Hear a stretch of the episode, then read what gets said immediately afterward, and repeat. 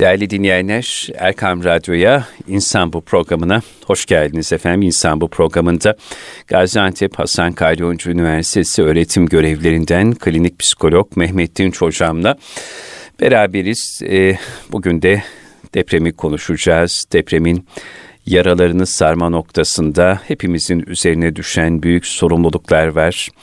Ee, bunlar üzerine kafa yoracağız. Ee, öncelikli olarak hocamı selamlayayım. Hocam hayırlı haftalarınız hayırlı olsun haftalarım. tekrardan. Hepimize ve aziz milletimize büyük geçmiş olsun diyelim. Ee, kıymetli hocam, bugün mukavemet üzerine konuşsak sizinle. Yani bu dönemde en çok ihtiyacımız olan e, bir kavram. Evet. Mukavemet. Nedir mukavemet? Böylesine derin acıların yaşandığı ve yaraların sarılmaya çalışıldığı, milletçe merhamet seferberliğine soyunduğumuz bir zaman diliminde e, ideal mukavemet nasıl olmalı, nasıl gösterilmeli ve bu anlayış nasıl yayılmalı diye sorsam bize bir mukavemet tanımıyla birlikte evet. bunu anlatır mısınız? Tabii memnuniyetle efendim. Şimdi tabii büyük bir acımız var. Çok. Çok büyük bir acımız var. E, eskilerden bir türkü var. Diyor ki Çamlığın ardında tüter bir tütün, acı görmeyenin yüreği bütün. Bizim hiçbirimizin yüreği bütün değil artık. Değil. Yüreğimiz yarım. Çok büyük kayıplarımız var. Ee, çok büyük acımız var. O yüzden yüreğimiz yarım bir şekilde bu süreçten geçiyoruz. Ve bu yüreğimizin yarım olmasında da haksız değiliz. Gereksiz, ekstradan, fazladan bir hassasiyet göstermiyoruz. Mevlana'nın şöyle bir şiiri var. Diyor ki, biri geldi, hoca Senayi öldü dedi. Yabana atılır bir er değildi ki omuz silkelim. Saman çöpü değildi ki uçtu diyelim. Su değildi ki soğuktan dondu diyelim. Tarak değildi ki bir saç seli kırdı onu diyelim. Buğday tanesi değildi ki toprakla kayboldu diyelim. O şu toprak yurtta bir altın gömüsüydü. Bu toprak yurdumuzda nice altın gömülerini kaybettik. O yüzden yüreğimizin yarım olması gereksiz fazladan bir durum değil. Tam bu dönemin gerektirdiği bir durum. Yüreğimiz yarım. Ali Ayçil'in çok güzel bir şiiri var. Diyor ki hem yaralı hem yakını bir yaralının diyor. Tam bizim hem yaralı hem yaralı bir yakını. Hem yakını bir yaralının hem diyor. yakını bir yaralı. Biz bu dönem hem yaralıyız hem de yaralıların yakınıyız. O yüzden e, ayakta durmakta, hayata devam etmekte, vazifelerimizi yerine getirmekte zorlanabiliriz. Ama her halükarda ma- mahzuniyetimize rağmen, hüznümüze rağmen, acımıza rağmen hayata devam edebilmek, vazifelerimiz ve sorumluluklarımızı yerine getirmemiz lazım. Var. Bu noktada kolay bir şeyden bahsetmiyoruz. Tabii bu kadar acıyla hayata dönmek, devam edebilmek zor. Ve bu zorluğun üstesinden gelebilmek için bazı kavramlara, bazı kelimelere ihtiyacımız var. Mukavemet bu kelimelerden bir tanesi. Ama yazık ki bu kelimeyi, bu kavramı unuttuk biz. Nice zamandır unuttuk. Nice zamandır unuttuk. Dilimizde unuttuk, davranışımızda unuttuk, fikrimizde unuttuk. Nitekim Tanpınar diyor ki daha ne zamanlar biz mukavemet fikrini kaybettik diyor. Mukavemet fikrini kaybedince davranışta gösteremiyoruz. O yüzden her zor zamanın götürüleri kadar getirileri olur. Bu zor zamanın bize getirisi mukavemet kavramını, fikrini yeniden hayatımıza sokmak olabilir. Ben mukavemet fikri etrafında e, çalışırken Türkçe sözlük direnç diye hmm. ifade ediyor ama direnç yetmiyor. yetmiyor. Dirençten başka bir şey. Fakat gelin görün ki Türkçe e, kaynakların tamamında mukavemet tamamen mühendisliğin bir dersi olarak kendini buluyor. İnsanın hayatında sahip olması gereken bir özellik olarak bulunmuyor. Bir ahlaki meziyet olarak bulunmuyor. O yüzden kavram olarak direncin ötesine geçmek istediğinizde inşaat mühendislerinin kitabına falan bakmanız gerekiyor. İnşaat mühendislerinin kitabında şöyle veriyor mukavemetin tanımını. Malzemelerin üzerlerine uygulanan kuvvet ve momentlere nasıl tepki verdiğidir. Bunu insana çevirelim. İnsanın üzerine uygulanan, başına gelen sıkıntılara, dertlere nasıl tepki verdiği mukavemet. Biraz daha açarsak cisimlerin çeşitli dış etkiler ve bu dış etkilerin neden olduğu iç kuvvetler karşısında gösterdikleri davranış biçimi. yine insana çevirelim. İnsanların dış etkiler ve bu dış etkiler neden olduğu iç kuvvetler karşısında nasıl davranış gösterdikleri. Yani büyük bir afet yaşadık. Çok kayıplarımız, acımız var. Biz bu afet karşısında nasıl kuvvetli kalacağız, nasıl mukavemet göstereceğiz, nasıl ayakta duracağız meselesi kritik bir mesele. Çok. O yüzden bu mukavemet kavramına bizim çok ihtiyacımız var. Bu mukavemet ama şöyle ki bizim özümüzde var. Yaratılışımızda, tabiatımızda var. Bir fıtrata kodlanmış. Fıtratımızda kodlanmış. Evet, evet. evet. Nitekim Sabahattin Ali'nin Kuyucaklı Yusuf'unda şöyle bir şey geçer. Der ki dışarıda ağaçların yapraklarını oynatan, oynatarak esen bir sonbahar rüzgarı bu ölüme mahkum yaprakları henüz koparamıyordu. Bu mini mini yeşil mevcudiyetler bile içlerinde bu kadar kuvvetli bir mücadele ve mukavemet kabiliyeti taşırlarken kendisinin karanlık düşüncelere dalması doğru olmazdı. Bir yaprak, mini mini yaprak bile o kuvvetli rüzgara karşı dala tutunuyor, ayakta kalmaya çalışıyor. Mukavemet gösteriyor gücü yettiğince, yapısı müsaade ettikçe. Hal böyleyken bizim karanlık düşüncelere dalmamız, ümitsiz olmamız, karamsar olmamız kabul edilebilir değil. Biz tabii ki mahzun olacağız. Ama hüznümüz bizi aciz yapmayacak. Hüznümüz bizi karamsarlığa sevk etmeyecek. Hüznümüz bizi hareketsizliğe saplanıp bıraktırmayacak. Hüzünlü olacağız ama harekete devam edeceğiz. Atıl kalmayacağız. Atıl kalmayacağız. Evet. Saadettin Ökten Hoca'nın geçen bir konuşmasını dinledim. Diyor ki Muhammedi ahlak şudur. Kalbimiz mahsundur ama şevkimiz vardır. Oo. Kalbimiz mahsundur ama şevkimiz vardır. Evet. Kalbimizde ikisini birden taşırız. Tabii. Hüznümüz de olur ama hüznümüz kalbin tamamını kaplayıp bizi felç etmez. Aynı zamanda şevkimiz vardır. Hüzünle beraber şevkle devam ederiz. Şevkle işimize, gücümüze, ilişkilerimize, vazifelerimize, sorumluluklarımıza devam ederiz. Dolayısıyla mukavemet esasında tam da bu. Her şeye rağmen devam edebilecek, vazifeleri, sorumlulukları yerine getirecek gücü bulabilmek, o güce sahip olabilmek.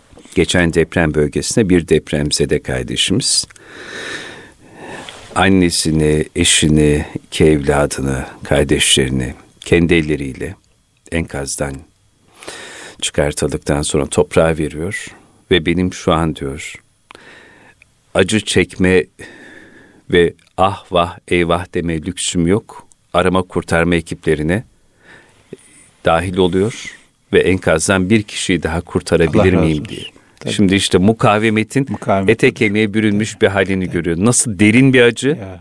ama orada kalmıyor. Hüznünü en içinde yaşıyor. Öbür taraftan bir canı daha kurtarabilir miyim Allah razı olsun. derdine soyuyor. Öyledir. Doğru olan budur. Yani bu insan e, yasa boğulup hiçbir hareket etmeden kendi içine kapansaydı sonrasında daha mı mutlu olacaktır? Şimdi sonrasında gurur duyacağı, için rahat edeceği, huzur bulacağı işler yapıyor. Acısı var ama acısına rağmen başka insanlara şifa olmak için vaziyet alıyor. Ne kadar kıymetli. Ve bu mukavemet bu büyüklerde de var, çocuklarda Tabii. da var. Bir tane çocukcağız 9-10 yaşlarında e, dördüncü gün, beşinci gün mü kurtarılıyor. Ne yaptın diyorlar. Diyor ki bir çikolatam vardı. Parça parça yedim onu diyor. Ne yapalım diyorlar. Diyor ki güçlü kalın kelime-i şehadet getirin. Allah Allah. Devam edin diyor. Dokuz yaşında bir çocuk. Tanpınar diyor ki sade ıstıraplarımız, üzüntülerimiz değil, tesellileri, mukavemet çareleri de miraslarımız arasındadır diyor büyüklerimizden bize tevarüs eden mirasın içerisinde, kültürümüzün içerisinde, inancımızın içerisinde, günlük yaşantımızın, ilişkilerimizin içerisinde sadece üzüntülerimiz, ıstıraplarımız değil, onların tesellileri, mukavemet çareleri de vardır. Bakın çocukta bile kendini göstermiş. Esasında mukavemet bu kadar kodlarımıza yazılmışken temelde insanlık bilgisiyle beraber geliyor. Yani salim bir kafa, ve salim bir kalple düşündüğümüzde mukavemet fikri, mukavemetle ilgili ne yapacaklarımız zihnimizde, kalbimizde beliriyor. Fakat biz kalbimizi ve zihnimizi biraz kötüye kullandığımız için, çabuk kirlettiğimiz için, koruyup kollamadığımız için e, kötülük tüccarlarının etkisi altında yönünü şaşırabiliyor. Kurtulamadığımız korkularımız, başa çıkamadığımız üzüntülerimiz, derin ümitsizliklerimiz, içinden çıkılmaz karamsarlıklarımız olabiliyor. Niye? Çünkü kötülük simsarları, tüccarları zihnimize dünya kadar kötülük haberi, ümitsizlik haberi tabii. doldurmuşlar. Halbuki salim kafa ve salim kalple düşündüğünde küçük çocuklar bile o kadar büyük, güzel, önemli işler yapıyorlar ki. Çok. Tuğba Coşkuner hocamız var, Hı-hı. öğretmen. E, sosyal medyada şöyle bir şey paylaşmış. Diyor ki Maraş'tan bir aile gelmiş İstanbul'a bizim sınıfa. Maraş'tan ilk otobüse binmişler. Nereye gidecek gittiklerini bilmiyorlar. Geldikleri yerde tanıdıkları yok. Kalacakları bir yer hiçbir şey yok. Sadece çok büyük bir kayıp yaşamışlar. Hemen orayı terk etmek için ilk otobüse binmişler gelmişler. Ve çocuğu okula yazdırmışlar. Çocuk okula gelmiş. Ben sınıf arkadaşlarına eğiteyim, uyarayım bu çocuğa nasıl davranmalar hakkında diye düşünüyordum. Bir baktım ki ben daha onlara hiçbir şey konuşmadan çocuğu almışlar. Okulu gezdirmişler. Sınıf takımını almışlar. Kantinde bir şeyler ısmarlamışlar. Ve sınıfın en e, güzel yerine oturtturmuşlar. Allah Allah.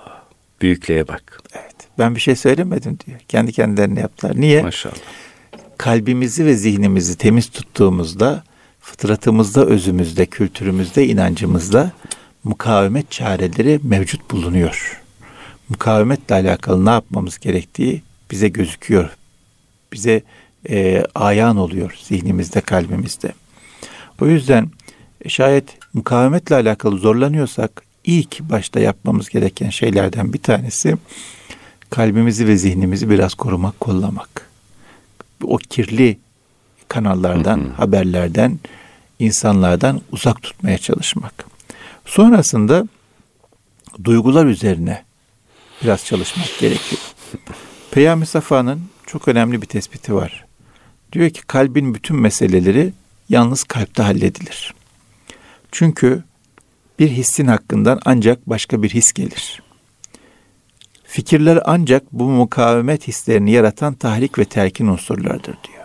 Fikir hissin, duygunun ardından gelecek. Önce duygu oluşacak. Sonrasında o duyguyu makul çıkaracak bir fikir oluşur. O da davranışa yansır. İnsan zanneder ki beni bu şekilde davrandıran şu fikrimdir. Halbuki arkasında büyük bir derin bir duygu vardır. O yüzden bugün bizde bir ümitsizlik duygusu baskınsa hemen karşısına büyük bir heyecan koyacağız. Büyük bir tevekkül koyacağız. Büyük bir azim koyacağız. Büyük bir gayret koyacağız. Duygu anlamında kendimizi geliştirmeye gayret edeceğiz. İyilik namına, güzellik namına, doğruluk namına hangi duygular bizi davranışa geçirecekse, hangi davranışlar bizi hareket ettirecekse, hangi davranışlar bizi e, ayakta tutup e, insanlara faydalı olmaya sevk edecekse o duygulara sahip olmalı, o duyguları güçlendirmeli, beslemeli, büyütmeli, o duyguları gönlümüze hakim kılmalıyız. O yüzden bu noktada bir bir duygu terbiyesi Hı-hı. içerisine girmek mukavemet için çok çok, önemli. Duygu terbiyesi. Bu duygu terbiyesi. Bu dönemde bir kalbimizi yoklayalım. Kalbimizde hakim olan duygu ne? E, hüzün. Hüzün olsun. Hüznü atmayalım. Ama şevk de olsun. Ama merhamet de olsun. Merhamet de olsun. Şefkat de olsun. Tabii. Şefkat de olsun. İyilik de olsun. Tabii. Ümit de olsun. Heyecan da olsun. Bir insanın e, kalbine girmenin heyecanı olsun. Hadis-i şerifi hatırlayalım. İmandan sonra en güzel amel mahzun bir gönle neşe saçmaktır ya, buyuruyor Efendimiz O kadar mahzun gönül var ki şu anda. Tam doğru işler yapma zamanı, durmak zamanı değil, pasif olmak zamanı Asla. değil, hareketsiz olmak zamanı değil, bakmak, seyretmek zamanı değil, konuşmak zamanı değil, harekete geçmek zamanı. Şu anda ne kadar mahzun gönle neşe saçabiliyorsak o kadar mahzun gönle neşe saçmak vazifemiz var. Çünkü çok mahzun gönül var. Çok. Çok vazifemiz çok büyük. O yüzden duygularımızı bir kontrol edelim. Bizi hareketsiz yapan duygulardan kurtulmaya bakalım. kurtulamıyorsak onların üstesinden gelecek daha büyük duyguları kalbimizde büyütmeye, beslemeye çalışalım. Bu, bu duyguların gelişmesi için bu duygulara sahip insanlarla oturup kalkalım. Bulaşsın onların heyecanı bize. Bulaşsın onların azimleri, gayretleri, mücadeleleri bize. Bulaşır mı? Bulaşır efendim. Halis halidir buyuruyor büyükler. Kendimiz büyütemiyorsak aşı olalım. Aşı tutalım başka insanlardan. Onlardan bize bulaşmalarını sağlayalım. Sonrasında irademizi harekete geçirelim. Şevket Süreyya Aydemir'in çok önemli bir tespiti var. Diyor ki reaksiyonları bakımından insanlar iki gruba ayrılır. Bu grupların birinde olayları olduğu gibi kabul edenler ve ona teslim olanlar yer alır. Hiçbir şey yapmayanlar. Diğer tarafta mukavemet ve dayatma ruhunu işletenler vardır. Bunlar nasıl işletirler? Bir, tecrübelerine güvenirler. Neticede bugün çok büyük bir afetle karşı karşıyayız ama bu zamana gelene kadar hiç sıkıntı yaşamadık değil. Tabii. Ölçek değişti sıkıntının. Dolayısıyla sıkıntı anında ne yapmam doğrudur? Nasıl davranmam doğrudur? Nasıl harekete geçmem lazım?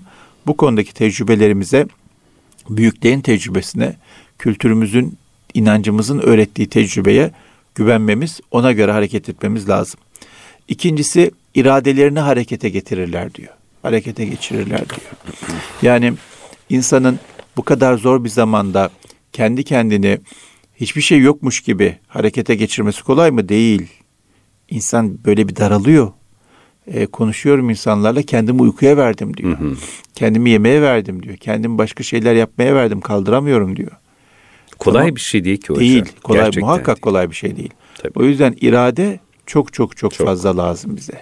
Ve bize iyi gelecek olan şey çok yemek yemek, çok uyumak değil. Değil. Bize iyi gelecek olan başka Yarayı insanların sarmak. acılarını hafifletmek, mahzun gönüllerine neşe sarıp sarıp saçmak.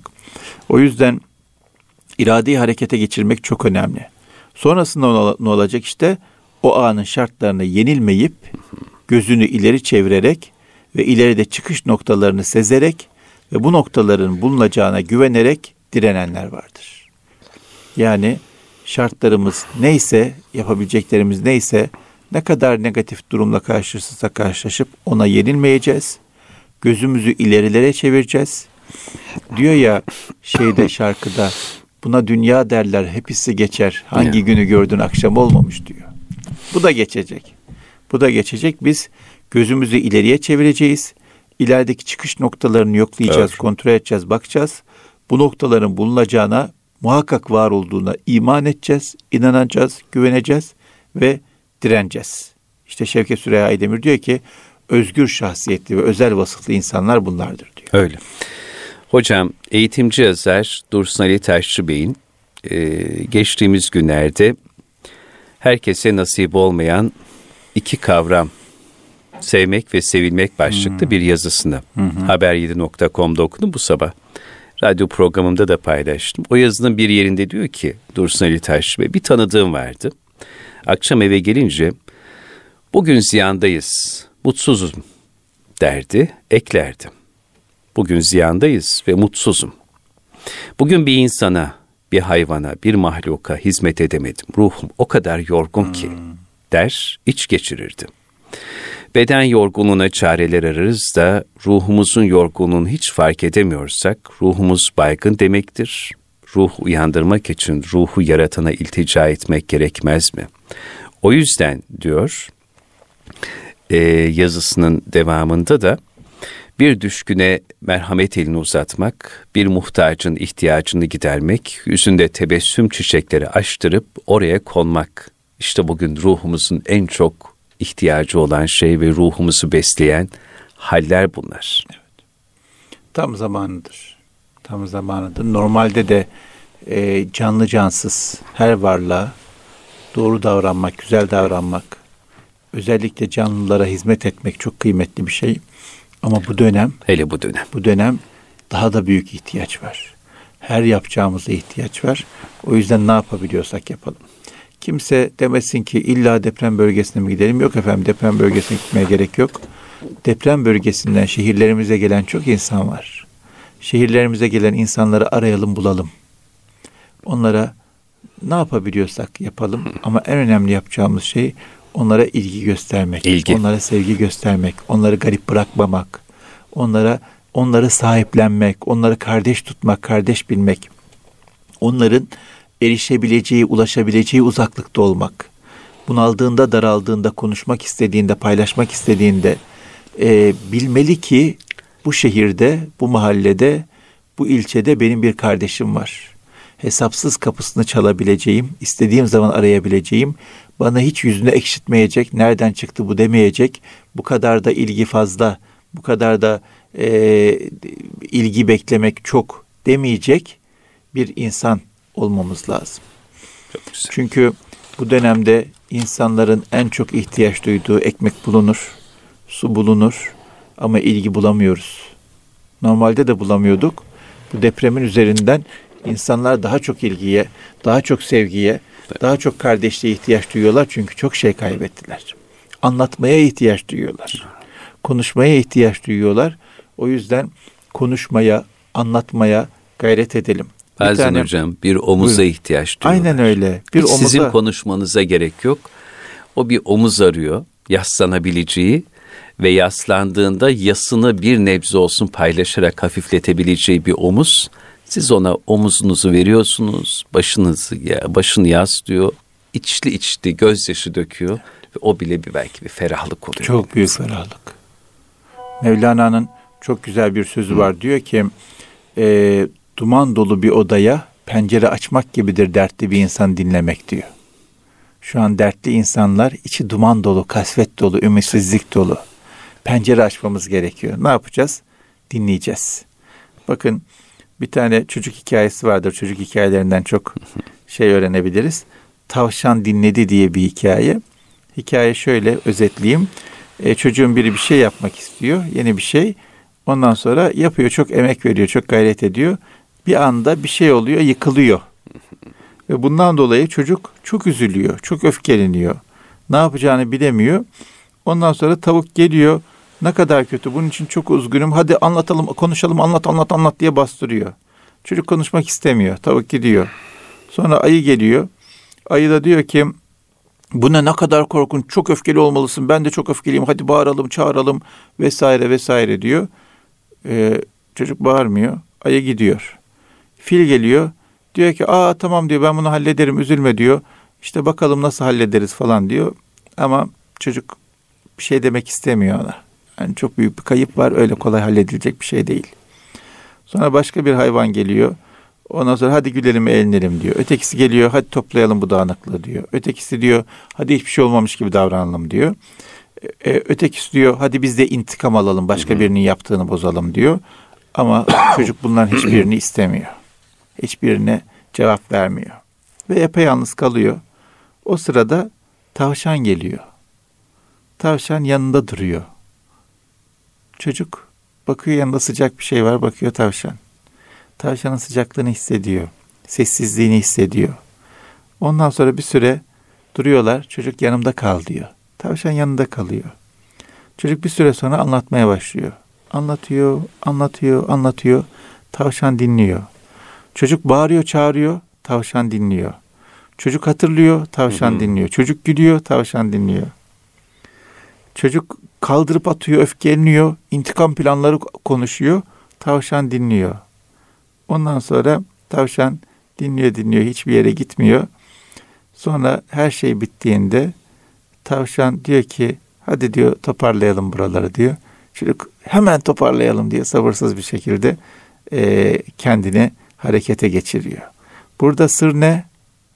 İlk başta adam gibi doğru bir şekilde bütün sevgiyle, ilgiyle, dikkatle var olabilmek. Var olabilmek. Ondan sonra konuştuğunda dinlemeye hazır kulak olabilmek. Önce ulaşabileceği seviyede konuşmak istediği zaman birim var benim kimsesiz değilimi bilmesi gerekiyor. Bu noktada tabii e, hem depremden bizatihi etkilenen hem de onlara yardımcı olmak isteyen insanlar ne yapmak isterlerse zorlanacaklar. Ve bu noktada bize en lazım olacak şey sabır. Sabır çok büyük hazine. Ahmet Hamdi Akseki Hmm. merhum ahlak dersleri diye çok efsane bir kitabı vardır. Dili de çok tatlıdır. Orada şöyle bir şeyden bahsediyor. Diyor ki fezail ahlakiyenin en mühimlerinden biri de sabır denilen melekedir.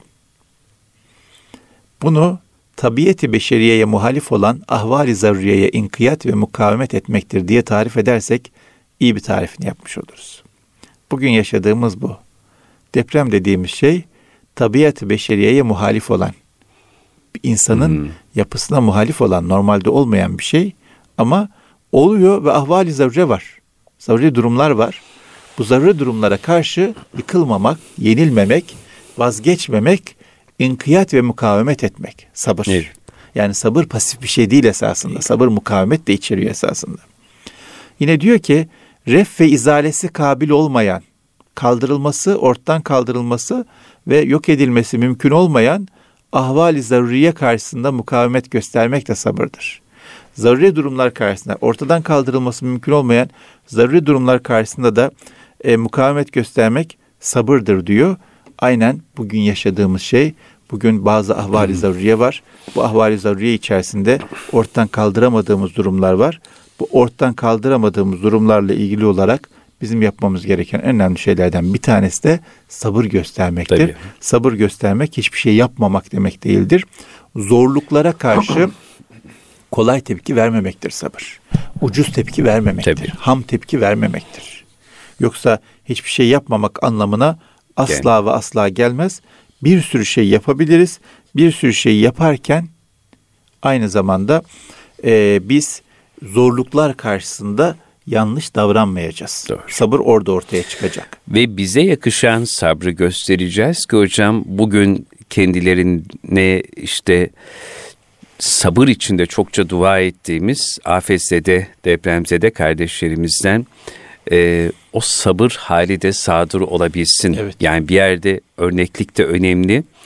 E, çünkü mesela çok kırgın, mahzun, üzgün, haklı olarak öfkeli çok kardeşimiz de var depremzedeler tabii, arasında. Tabii, yani tabii. bunlar zaman zaman söylenecekler, sistemler edecekler, kırgınlıklarını dile getirecekler, mahzunluklarını dile vuracaklar. Onları sabırla dinlemek de evet. bu süreçte çok çok önemli hocam. Anlamaya çalışmak. Evet. Anlamaya çalışmak. Evet. Büyük bir afet var. Her halükarda sabır göstereceğiz. Her halükarda. Her halükarda sabır göstererek bize bize düşen olgunca dinlemek, olgunca sabretmek. Çok Karşı güzel. taraf ne yaparsa yapsın. Tabii, tabii, tabii. Büyük bir afet geçirmiş, Allah vermesin. Allah vermesin tekrar. O yüzden o afeti geçiren insanı yargılamak, eleştirmek, Asla. kötü davranmak, kava davranmak, sabırsız davranmak, terslemek kesinlikle kabul edilebilir değil. Ne derse desin biz dilimizi ısıracağız, sabırla dinleyeceğiz. Son olarak bir sözle bitirmek lütfen, isterim müsaade lütfen. ederseniz. Buyurun hocam. Gabriel Garcia Marquez adında Latin Amerikalı çok meşhur bir yazar vardır malum. Tabii. 85 yaşında hatıralarını yazmaya başlamış. Anlatmak için yaşamak diye bir kitap. Hmm. Kitabın başına şöyle bir sözle başlamış en başta. Diyor ki insanın yaşadığı değildir hayat. Asıl olan hatırladığı ve anlatmak için nasıl hatırladığıdır. Bir daha tekrar eder misiniz? İnsanın Tabii. yaşadığı değildir hayat. İnsanın yaşadığı değildir hayat. Asıl olan hatırladığı ve anlatmak için nasıl hatırladığıdır. Asıl olan hatırladığı ve anlatmak için nasıl hatırladığıdır. Bugünler geçecek. Bunları biz yaşadık. Ama Allah hayırlı uzun ömürler versin. 85 yaşına geldiğimizde geriye dönüp baktığımızda asıl olan yaşadıklarımızdan ziyade hatırladıklarımız ve anlatmak için nasıl hatırladıklarımızdır. Nasıl hatırlayalım bu dönemi? Çaresiz kaldığımız, aciz kaldığımız, çok öfkeli olduğumuz, çok bunaldığımız, daraldığımız, bunalmaktan, daralmaktan hiçbir şey yapmadığımız çok kötü bir dönem olarak mı hatırlayalım? Yoksa büyük bir afetin ardından birbirimize tutunduğumuz, türlü fedakarlıklar yaptığımız, dayanışma gösterdiğimiz, kardeşlik gösterdiğimiz e, insanlık numuneleri e, insanlığa bağışladığımız, kalbimizi, zihnimizi genişlettiğimiz, irade destanları yazdığımız, büyük insanlık kahramanlıkları yaptığımız bir dönem olarak mı hatırlayalım? Ramazan geliyor. Güzel bir fırsat bizim için.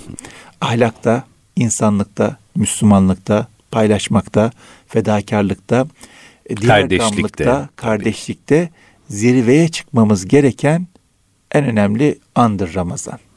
Haydi buyurun fırsat bu fırsat. Değerlendirelim inşallah. Evet. Yolumuzu bekleyenler var, yolumuzu gözleyenler var. Yaralarına merhem olacağımız, halinden anlayacağımız, acılarına ortak olacağımız, derdiyle dertleneceğimiz, ızdıraplarıyla muzdarip olacağımız, şenlenmeyi bekleyen mahzun gönüller var. Ee, o yüzden fırsat bu fırsat, Ramazan bu Ramazan, bu Ramazan değilse de ne zaman diyor Mehmet Dinç Hocam. Allah razı olsun. Mukavemetten yola çıkarak nerelere nerelere geldik. Bize çok kıymetli bir hadisi şerifi hatırlattınız ve adeta onu şer edercesine bir program boyunca ne güzel bahisler açtınız. Farz ibadetlerden sonra en mühim ibadet bir mümin kardeşinin kalbine sevinç verebilmektir diyor Efendimiz. Şimdilerde buna her zamankinden daha çok bizim ihtiyacımız var. Depremzede kardeşlerimizin ihtiyacı var ama fert fert kendimize dönüp baktığımızda da buna bizim çok ama çok ihtiyacımız var. Erkam Radyo'da. Mehmet Dinç Hocam'la beraber İnsan bu programını dinlediniz. Allah nasip ederse bu konulara önümüzdeki haftalarda da kaldığımız yerden devam edeceğiz. Allah emanet olun, kulağınız bizde olsun.